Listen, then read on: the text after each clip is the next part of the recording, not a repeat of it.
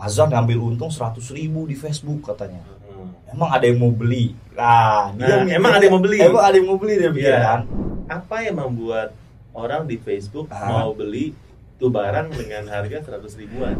Halo Botakers, kembali lagi bersama saya Om Botak di channel Cerita Om Botak dan ini kita sudah di episode podcast yang spesial kita nih, podcast Botakers. Di sini gue ada bintang tamu eh, pakar Facebook Ads yang tentunya pasti kalian udah pernah dengar kenalin sama Mas Siap. Nah, buat teman-teman yang belum jadi Botakers, buruan join member karena di sana banyak banget kelas-kelas daging soal gimana cara iklan di Shopee, ya di Lazada, di Tokopedia, bahkan kita bahas di Shop juga ya teman-teman. Di mana teman-teman kalau ngikut kelas itu dan nonton video-video itu bakal jadi uh, seller yang lebih keren lagi bisa scale up di marketplace ya. Jadi buruan join ambil intermediate daging banget. Nah, oke, thank you banget nih Om udah boleh uh, gabung di sini.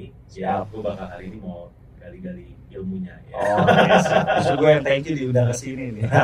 Iya, iya. Sebelumnya boleh boleh kenalin diri dulu ya. Oke, siap. Ah, nama gue Zanabullah. Jadi gue itu udah berkarir mungkin ya kalau di bisnis online itu udah 8 tahun. Oh, 8 tahun. Iya 8 tahun. Cuman Iya. mulainya itu awalnya nggak Facebook dulu. Jadi awalnya itu main Google AdSense. Cuman bukan YouTube, web waktu itu. Heeh. Cuman waktu itu kendala-kendala-kendala akhirnya pindah main Google AdWords. Kalau Iya. Google AdWords itu kayak Google AdSense tapi aplikasi. Heeh. Udah gue jualan tuh di situ sampai akhirnya ah kayaknya nggak cocok. Akhirnya belajar lah di Facebook Ads. Jadi kalau di Facebook Ads mungkin udah jalan 4 tahun sampai 5 tahun lah di dunia Facebook Ads ini. Gitu. Jadi kayak gitu sih. Kalau Meta Ads sekarang kalau biasa orang yang uh, Hmm. familiar ya Meta Iya, Ads, Meta itu sama Facebook tuh sama beda atau Meta tuh ada cangkupannya luas? Eh iya sebenarnya si Facebook ini atau Simak ya lebih tepatnya gitu ya. Dia Iya. ganti nama gitu sebenarnya dari uh, Facebook, Instagram, gitu ya, WhatsApp juga mungkin di dalam situ diganti jadi nama Meta gitu. Makanya gue sebenarnya karena bertahun-tahun gitu ya nyebutnya Facebook Ads, Facebook Ads, Facebook Ads gitu ya.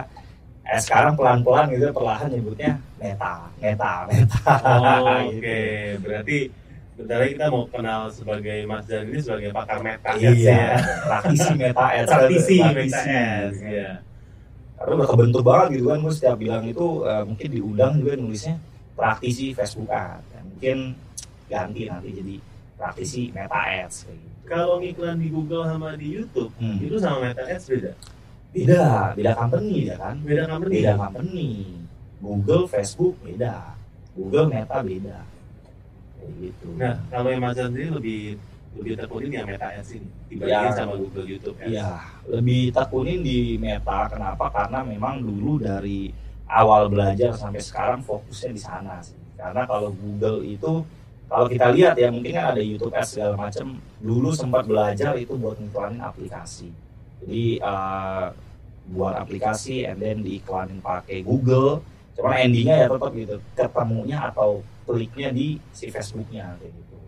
Facebook sama Instagram lah tentunya kayak gitu sih. Oke, oke, paham nih. Kalau buat pemula, Hmm. worth it gak sih buat main Meta Ads gitu? Karena Hmm. gue sebagai, jujur gue gak terlalu ngulik Meta Ads ya. Ah, ah. Pandangan gue sama Ads sampai sekarang tuh kayak ribet banget. Iya iya. ribet iya. banget sih Ah. kayaknya gitu ya buat buat Ads. Mungkin karena gue lebih dari awal tuh udah nge-setup apa marketplace, Marketplace gitu ya. ya. Oke. Kayak tinggal klik-klik-klik, nggak nyampe satu menit, beres. Iya iya benar-benar. Ah kalau buat pemula iya sih mungkin kalau dilihat pandangan kayak gitu gitu ya. Cuman ah, dia worth it banget karena kalau kita lihat ah, perusahaan besar nih ya itu nggak jarang kayak Gojek gitu kan, Tokped atau bukan Tokped ya mungkin gue lihatnya sih banyak perusahaan besar itu yang iklan di Meta gitu. Itu buat yang perusahaan besar gitu. Tapi kalau perusahaan-perusahaan kecil atau kita kita yang masih jualan gitu kan itu bahkan sempat gue denger gini kalau gitu kayak ah, aduh enak banget ya jualan di Meta ngambil untungnya gede gitu kan. Nah, itu yang komplain itu orang-orang yang main marketplace biasanya. Ih ada tuh reseller gue katanya. Di gua harganya sepuluh ribu dijual seratus ribu di Facebook. Laku makanya gue pengen belajar Meta. Dia bilang gitu gitu. Jadi ya kalau dibilang sulit sih ya enggak juga sih ya. 50-50 ya semuanya pasti ya namanya kita baru belajar biasanya ada kesulitan. Tapi kalau udah belajar belajar ya gampang lah. Kayak gue sekarang kan udah ya gampang lah setting kayak gitu sebenarnya. Cuma kalau dibandingin sama marketplace emang ya pasti jauh lebih mudah marketplace sih semua kayak gitu. Oke, berarti kebanyakan yang main di meta itu secara rata-rata kalau dari Ah. pengalamannya lu nih bro, Ah, lebih gede untungnya daripada yang jualan di marketplace. iya karena gini banyak orang bilang gini Mazhar ngambil untung 100 ribu di Facebook katanya Heeh. emang ada yang mau beli nah, dia Nah, mikir- emang ada yang mau beli? emang ada yang mau beli dia bilang Iya. kan kenyataannya orang-orang meta orang-orang Facebook eh, Facebook sih terutama mereka nggak tahu marketplace Nggak tahu. nggak tahu Gila marketplace yang pakai udah banyak banget. sumpah Belum ada tuh aplikasi. belum jadi sebenarnya Iya. bukan bukan mereka semua 100% nggak tahu ya tapi Nah, masih mungkin 80% 70% nggak tahu. Nah mungkin kalau teori gini gue bisa ngomong tapi buktinya gue bisa jualan barang-barang yang gue ambil di Shopee laku dengan gue ambil itu gede. Gitu. ya mungkin dari 100 orang yang beli 10 orang tahu marketplace and then dia beli ke sana. Tapi sisanya ini masih banyak yang willing to beli. Oke oke, gue rasa buat hackers di sini pasti nggak percaya nih kalau nggak ada contoh nih. Coba Ya. deh kasih contoh kalau Hmm. bisa satu barang yang lu udah pernah mainin, Oke. Ah, yang sekarang udah lu nggak mainin lagi, Ya, dong, oke. Boleh Ya. dong ya. Lu belinya Ah. berapa, jualnya berapa gitu. Oke, gue pernah Iya. jual namanya cincin inisial. Cincinnya bukan yang bawa sial ya. Bukan. Inisial. Ber- ini ya kalau namanya apa ya? Ada hurufnya om. Oh iya ada hurufnya. gitu. Oke. Gue ambil di Shopee itu barang harganya sepuluh ribuan gitu. Oke. Gue ambil di Shopee sepuluh ribuan gitu. Gue jual di Facebook Ads itu seratus sepuluh ribu buy one get one. Wow. Buy one get one. Seratus sepuluh ribu modalnya dua puluh ribu. tuh. Nah, untuk sembilan puluh ribuan kan. Orang mungkin nggak percaya cuman gue waktu itu sampai bu- buktiin gue tampilin nih bukti penjualannya yang beli 4000 orang loh Empat ribu orang. 4000 orang beli itu cincin yang harganya ya kalau di Shopee 10 ribuan gitu di marketplace 10 ribuan gitu Apa yang membuat orang di Facebook Ah. mau beli tuh barang dengan harga seratus ribuan? karena pertama gini kita uh, punya konten iklan yang menarik gitu loh Apa sih konten ya, iklan lu? konten iklannya ya mungkin Dulu, ya, ya. gue harus buka dulu lah, cari lagi karena itu Cari, ya. yang udah lama banget Iya gitu. iya iya. Terus yang bikin dia tertarik itu karena memang uh, orang-orang yang kena di Facebook ini orang-orang daerah mungkin dia bilang yang mungkin belum terjamah dengan teknologi yang sebegitu keren. Sampai marketplace dia nggak tahu. Tapi kalau ditanya mana buktinya lu bilang orang Facebook nggak paham marketplace nggak tahu. Itu 4000 orang beli di gua gitu bagi WA gitu. Itu kan berarti menandakan dia atau Shopee. Ya mungkin sekian persen ada ke sana tapi kan masih banyak yang kena ke gua lah. Gitu. Oke. Flow-nya gimana sih bro kalau Ah. misalnya kita mulai ngiklan, Mm-mm. lu udah punya bikin konten yang bagus nih, Hmm. ya, terus udah tahu nih source-nya di mana. Ya. Flow-nya ketika ada orang masuk ke WhatsApp misalnya Ah. di page WhatsApp nih, lu beli barang dulu Hmm. dari sana, Mm. nyampe ke rumah baru lu kirim lagi, Ah. atau langsung dropship atau gimana? Ah, jadi kalau gua main flow-nya adalah pertama gua ngiklan dulu. Ngiklan Oke. dulu. Jadi ah, nggak nyetok dulu gitu ya. Kenapa? Karena ah, berawal dari gua dulu pemula itu aduh kalau nyetok dulu nggak ada cuannya nih, belum ada duitnya gitu kan. Iya. Akhirnya ya udah gua pikir coba ah gua ngiklan dulu aja gitu. Siapa tahu dari gua ngiklan dulu closing banyak. Nah, kalau closing banyak baru gak nyetok. Jadi gua mainnya bisa dibilang itu sebutannya stock by order lah gitu. Stock by order gitu. Stock by order itu jadi gua ngiklan kalau closing baru gue nyetok. Kenapa nggak kenapa nggak dikirim aja nih dari si marketplace-nya atau dari sellernya? Karena COD bu. COD tinggi banget. 10% ya? ya bisa 100% orang maunya COD Bukan 10% fee-nya dari oh iya iya Shopee-nya ya? kalau fee eh, enggak enggak jadi gini dari gua ngiklan itu gua beli putus dari Shopee Oke. Nah, jadi misalnya gue hari ini ngiklan closing 10 cincin misal, yaudah gue bilang sama Shopee kirim 10 ke rumah gue. Nah nanti begitu nyampe rumah gue, gue repacking pakai satu platform itu namanya order online.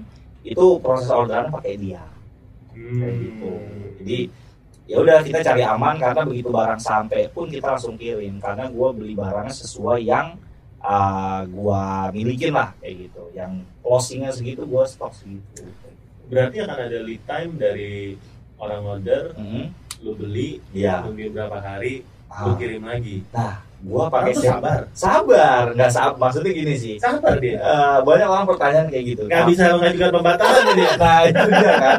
Salah satu enaknya gitu kan. iya Tapi strategi yang gue pakai adalah pakai SMD Tapi lu pilih supplier yang dekat yang deket. kalau bisa dekat dari tempat lu nih deket. Dan memang kan gue stay di Tangerang, jadi emang supplier-supplier udah banyak di ya situ lah gitu. Heeh, sampai eh, apa sih namanya muncul kan gitu kan orang belajar sama gue. Nah gue yang di daerah gimana gitu kan. Akhirnya solusinya ketemu jasa gudang. Jadi recover lah semuanya bisa main. Iya, mereka biasa pakai gudang online. Online, kan? iya. Bahkan sampai di komunitas gue sendiri itu anak-anaknya pada bikin personal dia gitu kan yang dia bawa belajar. Akhirnya dia bukan jualan, dia bukan jasa gudang. Iya. Jadi dia kontak personal gitu. Yang orang-orang jauh itu kontak personal yang orang dekat. Berarti kalau dibilang uh, marginnya segitu sih nggak juga, karena akan Ya. selalu ada resiko kan. Betul. Pertama, COD gagal. COD gagal. COD gagal tuh inisial lu nggak bisa jualan. Benar. ya. Ya mungkin bisa kalau dia nggak patah tuh. Om. Karena cincinnya kan tipis dia. Oh inisialnya benar-benar inisial orangnya? Ah, enggak sih inisial cuman ah, huruf huruf A doang, huruf Oh. B doang. Oke oke. Gitu, Masih paling. masih bisa di recycle kalau ada inisialnya sama masih ya. sih, masih sih. Cuma ada resiko. Nah Ada resiko. kalau mau dilihat kayak gini, Hmm. kok gue melihat sebenarnya yang lebih susah dibandingin ilmu iklan ya Hmm. mungkin ya. Hmm. Apalagi kalau lu udah di level yang sekarang, Ya. lebih susah untuk riset produknya. Betul. Betul banget. Dan gua udah bertahun-tahun main kayak gini. Wah itu gokil. Gua mungkin udah ribuan produk buat tes.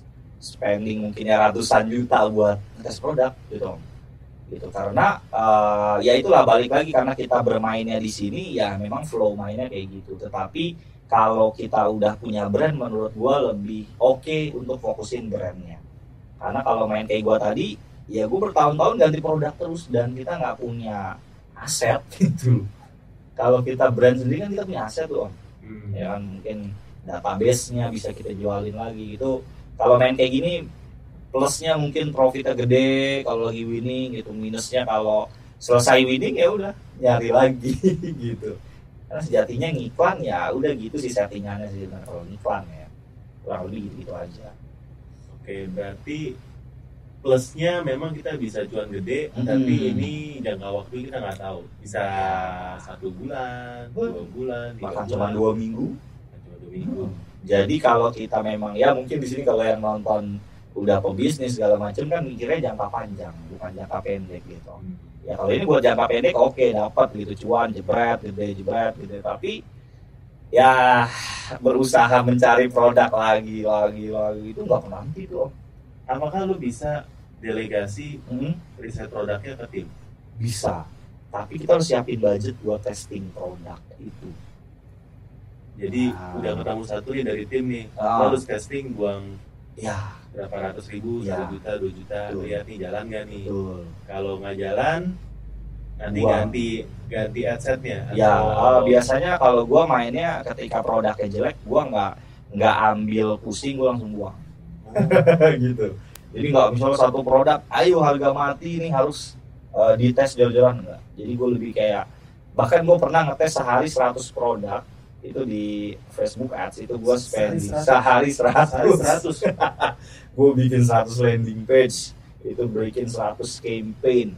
Demi menemukan si winning produk itu. Tapi ah, itu spendingnya aja bisa sampai 5 juta buat ngetes si 100 produk. Ya winning sih habis itu winning gitu. Dapet segala macam. Cuman ketika gua lebih dalam lagi belajar bisnis segala macam wah ternyata bisnis harus long term ya gitu. Yang harus Hmm. ah, kalau bisa lu punya brand gitu. Kalau bisa lu harus punya ya mungkin ah, maklon produk atau dan lain-lain. Sehingga kita ah, kan mungkin kalau kita punya produk sendiri tuh om ah, apa ya namanya ya asetnya ada gitu loh. Ada ya eh, misalnya kita jualan skincare ada seribu orang beli ada skincare baru tawarin lagi ke seribu. Kalau mainan gue tadi nggak nggak masuk nggak ada namanya. Karena kolam yang udah beli cincin inisial lu Nah. belum tentu lu bisa jual apalagi nih gitu. skincare belum tentu Ya, masuk. betul.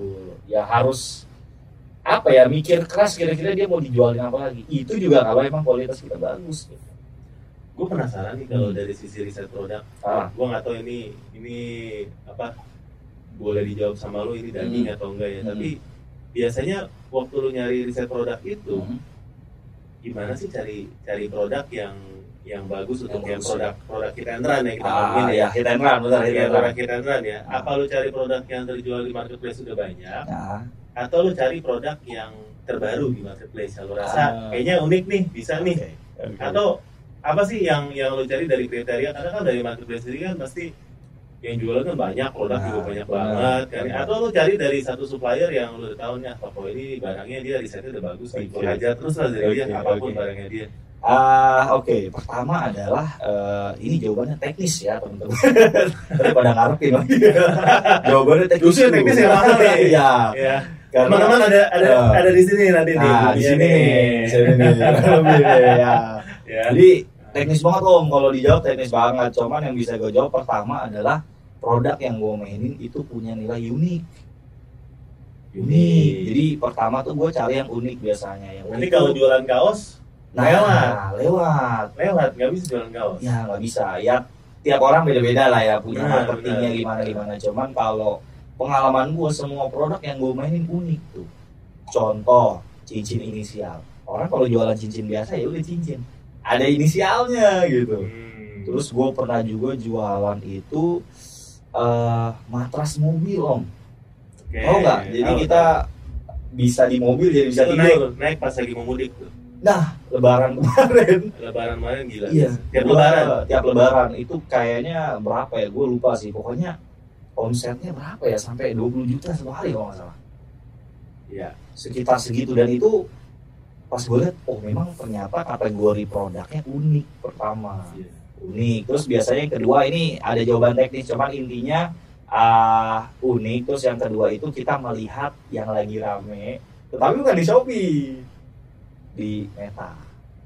berarti lu harus sering liatin misalnya tiga video yang dari Meta lewat. ternyata lewat Nah. terus lihat kok ini barangnya belum ada Nah,